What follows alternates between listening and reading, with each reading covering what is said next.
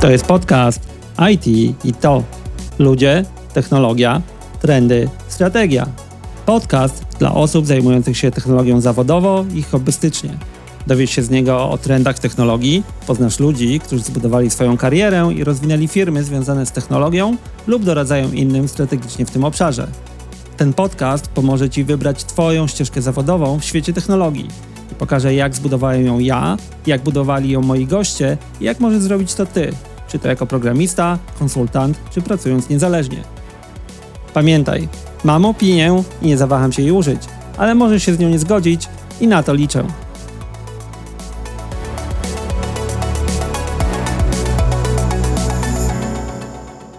Witam w kolejnym odcinku podcastu IT i to.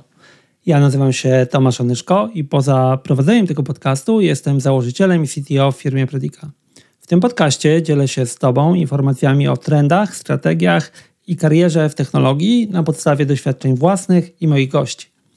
Ten odcinek powstał na podstawie korespondencji ze słuchaczami w tak zwanym trybie offline, w której przejawiał się mocno temat certyfikacji w życiu zawodowym w IT. Jak one wpływają na karierę, czy warto je robić, czy też można żyć bez nich. W tym odcinku przedstawię Wam mój pogląd na tą kwestię, zarówno z punktu widzenia osoby z ponad 20-letnią karierą w IT, jak i obecnie CTO w firmie usługowej działającej dookoła technologii, gdzie z jednej strony chcemy zadbać o rozwój ludzi, których już mamy na pokładzie, z drugiej rekrutujemy ludzi z zewnątrz, stawiając im wymagania i tworząc sito rekrutacyjne. Zanim przejdziemy do dyskusji na temat certyfikacji i ich roli w karierze, bardzo dziękuję tym z Was, którzy przesyłają wiadomości, komentarze i pytania do treści poruszanych w odcinkach.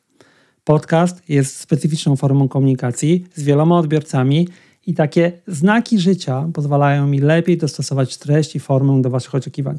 Najprostszy sposób przesłania Twojego komentarza lub pytania to Twój telefon, na którym nagrywasz je w formie audio i przesyłasz do mnie poprzez e-mail na adres podcast.onyszko.com.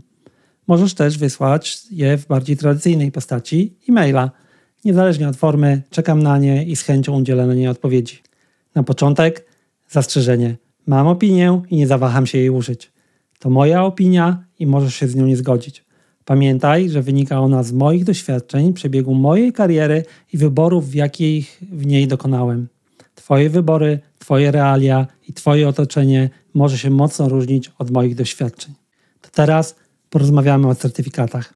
Tematy, jakie chciałem tutaj dzisiaj poruszyć, to rola certyfikatów w świecie IT jak to się zmienia na poszczególnych szczeblach kariery. Czy certyfikaty są niezbędne i wymagane, czy też są tylko dodatkiem do przysłowiowego kożucha? Jaką rolę mogą pełnić certyfikaty oprócz samego uzyskania potwierdzenia zdania konkretnego egzaminu i jak możesz ich użyć w swojej karierze? a na końcu porozmawiać chwilę o certyfikatach versus portfolio, czyli jak inaczej możemy pokazać, co potrafimy i jaką rolę pełni to w obecnych procesach rekrutacji czy etapie weryfikacji Twoich umiejętności. Punktów i treści jest dużo, więc zaczynamy. Punkt pierwszy. Jaka jest rola certyfikatów w świecie IT? Na początku możemy sobie to jasno powiedzieć. Certyfikaty to jest duży biznes i przemysł dookoła technologii poczynając od samych vendorów technologicznych, którzy tworzą certyfikacje i dodatki dookoła niej, po ośrodki szkoleniowe i ośrodki certyfikacyjne. Jak z każdym tego typu przedsięwzięciem, pomysł zapewne wyszedł od czegoś innego, ale potem okazało się, że można na tym dobrze zarabiać i tak to już się potoczyło. Nie będziemy się długo tutaj nad tym rozwodzić, ale warto mieć świadomość tego aspektu certyfikacji w IT. Z punktu widzenia bardziej praktycznego, Certyfikaty powstały po to, aby spopularyzować daną technologię i dać pracodawcom punkt odniesienia przy zatrudnianiu ludzi w dziedzinach, w których sami nie mieli możliwości weryfikowania tych umiejętności, jak i nie istniał inny szybki i prosty sposób zweryfikowania ich. Pamiętajcie, że jeszcze niedawno praktyczna weryfikacja umiejętności IT nie była taka prosta. Nie było maszyn wirtualnych, nie było infrastruktury do wspólnego pisania kodu, nie było repozytoriów GitHuba, a i powszechny dostęp do internetu nie był taki pewien. Nie było też sieci społecznościowych takich jak LinkedIn lub inne, które dostarczają referencji z poprzednich miejsc zatrudnienia czy możliwości weryfikacji umiejętności poprzez kontakt z Twoją siecią e, społecznościową. Certyfikaty stanowiły swoisty środek komunikacji. Poprzez mechanizm weryfikacji w ośrodku certyfikacji Vendor technologii poprzez swoją wiedzę i doświadczenie włożone w przygotowanie danego procesu certyfikacyjnego potwierdzał, że kandydat, który go przeszedł, posiada minimalny zestaw umiejętności w zakresie danej technologii. To obniżało ryzyko zatrudnienia takiego kandydata przez pracodawcę na rynku. Żeby kandydaci chcieli te umiejętności wykazywać w ten sposób, musiało też powstać zapotrzebowanie na tego typu certyfikaty. I ci sami vendorzy wygenerowali je, przyznając poziomy upustów handlowych i poziomy partnerstwa dla firm w zależności od liczby posiadanych certyfikatów. Ponieważ wiedza potrzebna do zdania certyfikatów nie była tak łatwo dostępna jak teraz, nie było też powszechnie dostępnych treści w sieci, a przygotowanie się do egzaminu wymagało znaczącego wysiłku włożonego w przerobienie tej wiedzy w sposób praktyczny. Znowu, nie było maszyn wirtualnych, nie było sieci i trzeba było na przykład zapewnić sobie sprzęt komputerowy do przetestowania tej wiedzy, to osób posiadających te zasoby i czas na ich e, użycie było odpowiednio mniej. To generowało popyt na ludzi z certyfikatami, co podnosiło ich wartość na rynku, co wpływało na pensje tych osób i na to, jak byli poszukiwani na rynku pracy. Z szerszym dostępem do informacji nastąpiło wiele zmian. Mówiliśmy o tym w jednym z poprzednich odcinków z Sebastianem Gębskim. Certyfikacja spowszedniała. Dostęp do zasobów pozwalających ją zdać stał się prostszy. Wystarczyło zakupić materiały przygotowujące do danego egzaminu i go zdać. Nawet gdy nie miało się praktycznego doświadczenia w użyciu danej technologii, było i jest to nadal całkowicie możliwe. To jest chyba pierwszy ważny wniosek z tego wywodu i w ramach tego odcinka. Ze względu na łatwiejszy dostęp do informacji i obniżenie bariery zasobów wymaganych do zdania certyfikatu, wartość większości z nich na rynku mocno się zdewaluowała. Tak samo zdewaluowały się idące za tym benefity dla posiadacza takiego certyfikatu, czy to w postaci ilości miejsc na rynku pracy, czy zwiększonej pensji i wartości na tym rynku. Oczywiście są różne certyfikaty, ale większość z nich się szybko dewaluuje, jeżeli chodzi o wartość na rynku pracy i jak one są postrzegane.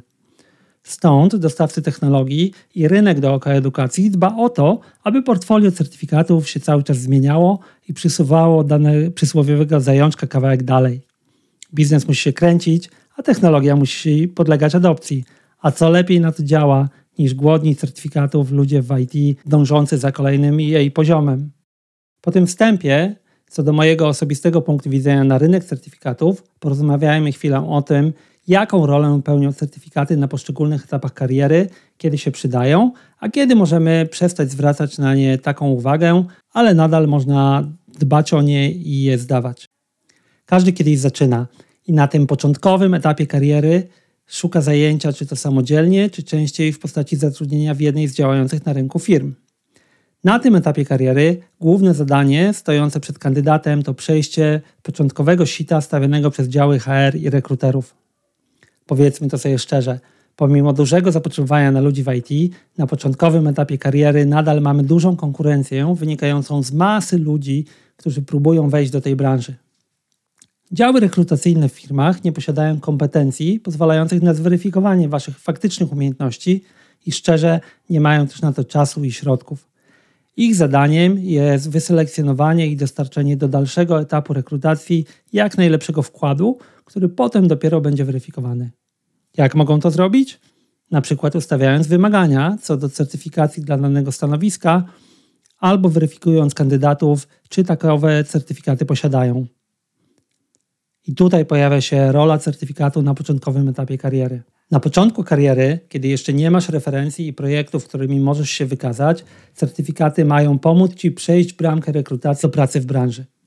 Tylko tyle i aż tyle. Oczywiście za każdym z nich stoi wiedza i czas, jaki poświęciłeś na ich zdobycie, ale powiedzmy sobie szczerze, po samym fakcie posiadania certyfikatu nie da się tego stwierdzić. Taka weryfikacja następuje dopiero później. Na początkowym etapie mają one pozwolić Ci nie odbić się od bramki rekrutacyjnej i przejść weryfikację HR.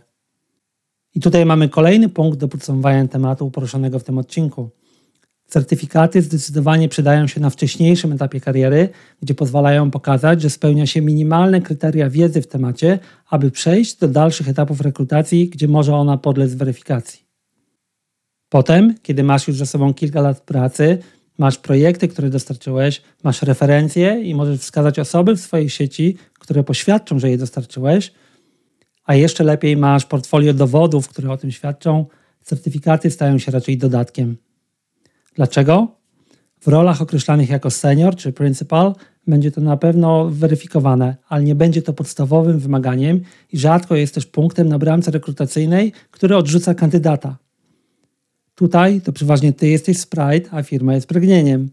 Ale mówiąc bardziej poważnie, ciężar weryfikacji przesuwa się w to, co robiłeś, co możesz pokazać jakie są twoje doświadczenia. Certyfikaty są elementem tego doświadczenia, ale nie są wymagane. Gdy już masz dobrych kilka lat w branży za sobą, certyfikaty według mnie stają się zbędne jako środek przekazywania informacji o tym, co potrafisz, jakie masz doświadczenie i czy nadajesz się do danego zadania.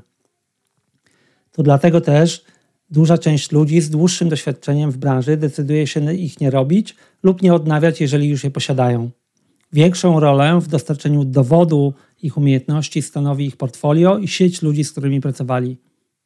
Zmienia się też ich sposób poszukiwania pracy. Częściej są to referencje niż konieczność przejścia formalnej bramki rekrutacji z ogólnej puli kandydatów. To teraz, czy certyfikaty są niezbędne i wymagane, czy też są przysławiowym kwiatkiem do kożucha w IT? Tutaj jedno wyznanie z mojej strony. Przez ponad 20 lat kariery w IT zdałem tylko jeden certyfikat i było to dosyć dawno, w okolicach roku 2000. I przyznaję, że to może wpływać na moją opinię. Jak już się możesz domyślać, uważam, że certyfikaty nie są wymagane w branży IT. Można pracować i rozwijać karierę bez nich, ale wtedy na pewno warto zadbać o kilka elementów. Pierwszy z nich to portfolio projektów, które mogą zaświadczyć o tym, co robiłeś w przeszłości i jakich umiejętności w tych projektach używałeś. Drugi to swojego rodzaju proof w postaci działania w sieci lub przykładów tego, co robiłeś w przeszłości od strony technologicznej. Mogą to być przykłady architektury, może to być Twój kod lub e, elementy, którymi podzieliłeś się na swoim repozytorium. Trzeci i chyba najważniejszy, sieć ludzi, którzy nie będą mieli problemu dostarczyć referencji potwierdzających tego, co mówisz, że potrafisz i robiłeś od strony praktycznej, czyli takich, którzy pracowali z Tobą. Jeżeli posiadasz dobrą wiedzę, potrafisz ją dobrze zastosować i jesteś w stanie to wykazać, to nie powinieneś mieć problemu, jeżeli nie będziesz miał certyfikatu poświadczającego znajomość danej technologii.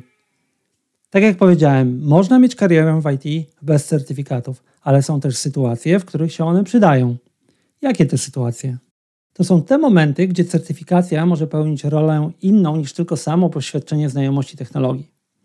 Po pierwsze, są wymagania regulacyjne czy branżowe lub narzucone przez samego vendora, które stanowią, że osoby wykonujące dane zadanie muszą wykazać się danym certyfikatem czy poświadczeniem przejścia odpowiedniego kursu.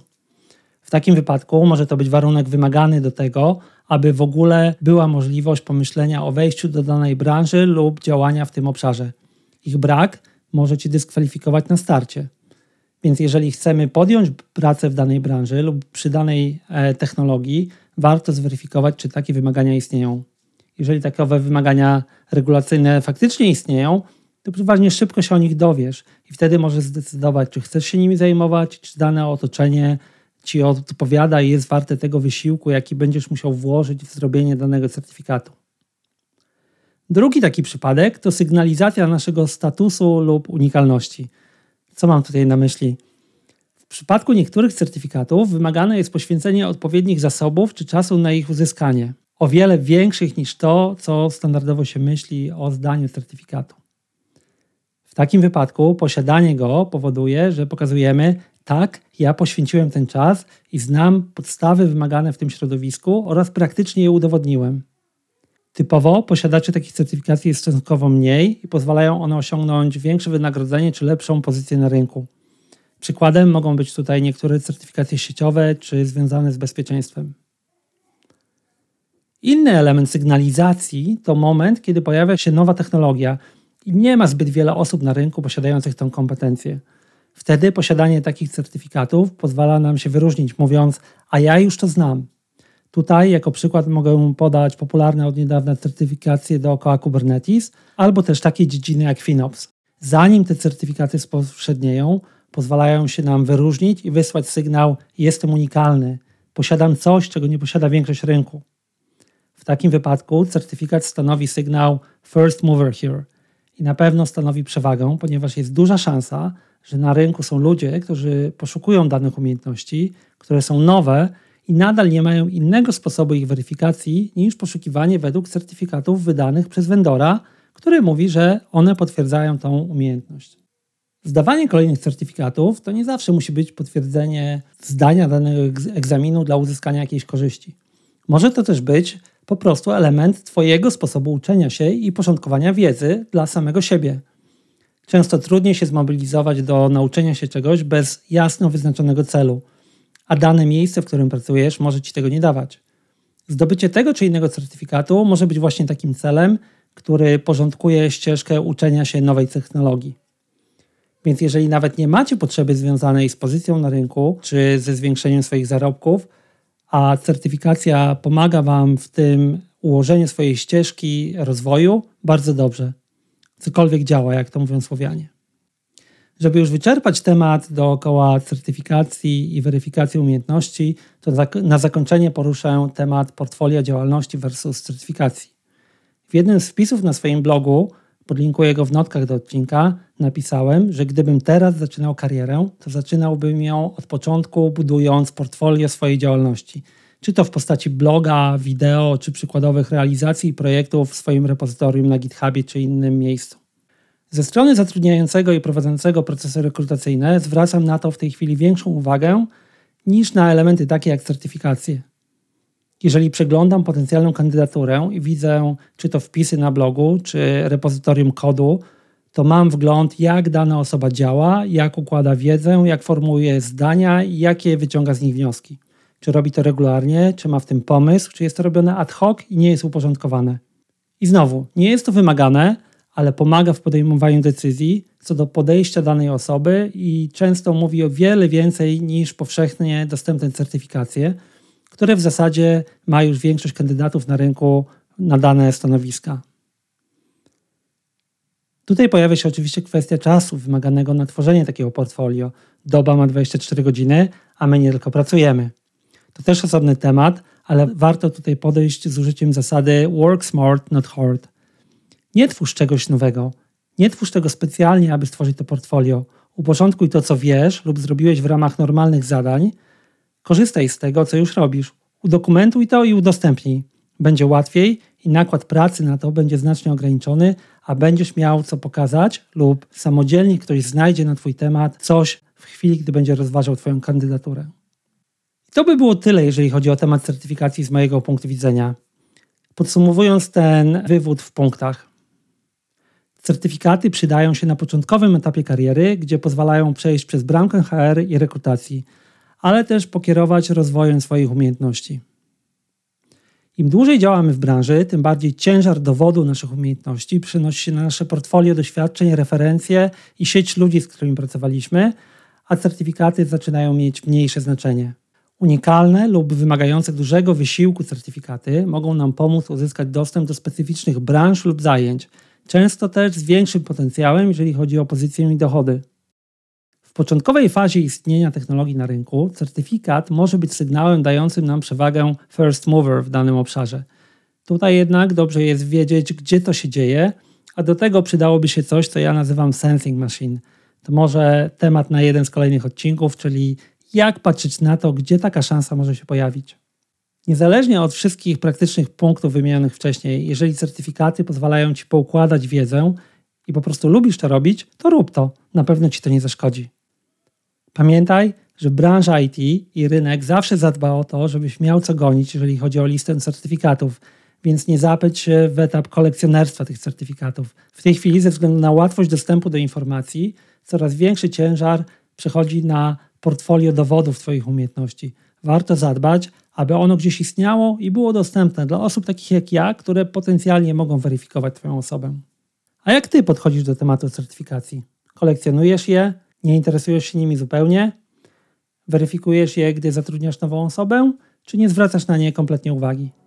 Wszystkie komentarze, uwagi i ewentualne pytania z chęcią przyjmę na adres podcast.atonuszko.com. Nagraj lub napisz i wyślij. Przeczytam, odpowiem. To wszystko tym razem i zapraszam Cię już do kolejnego odcinka podcastu IT i to. Do usłyszenia.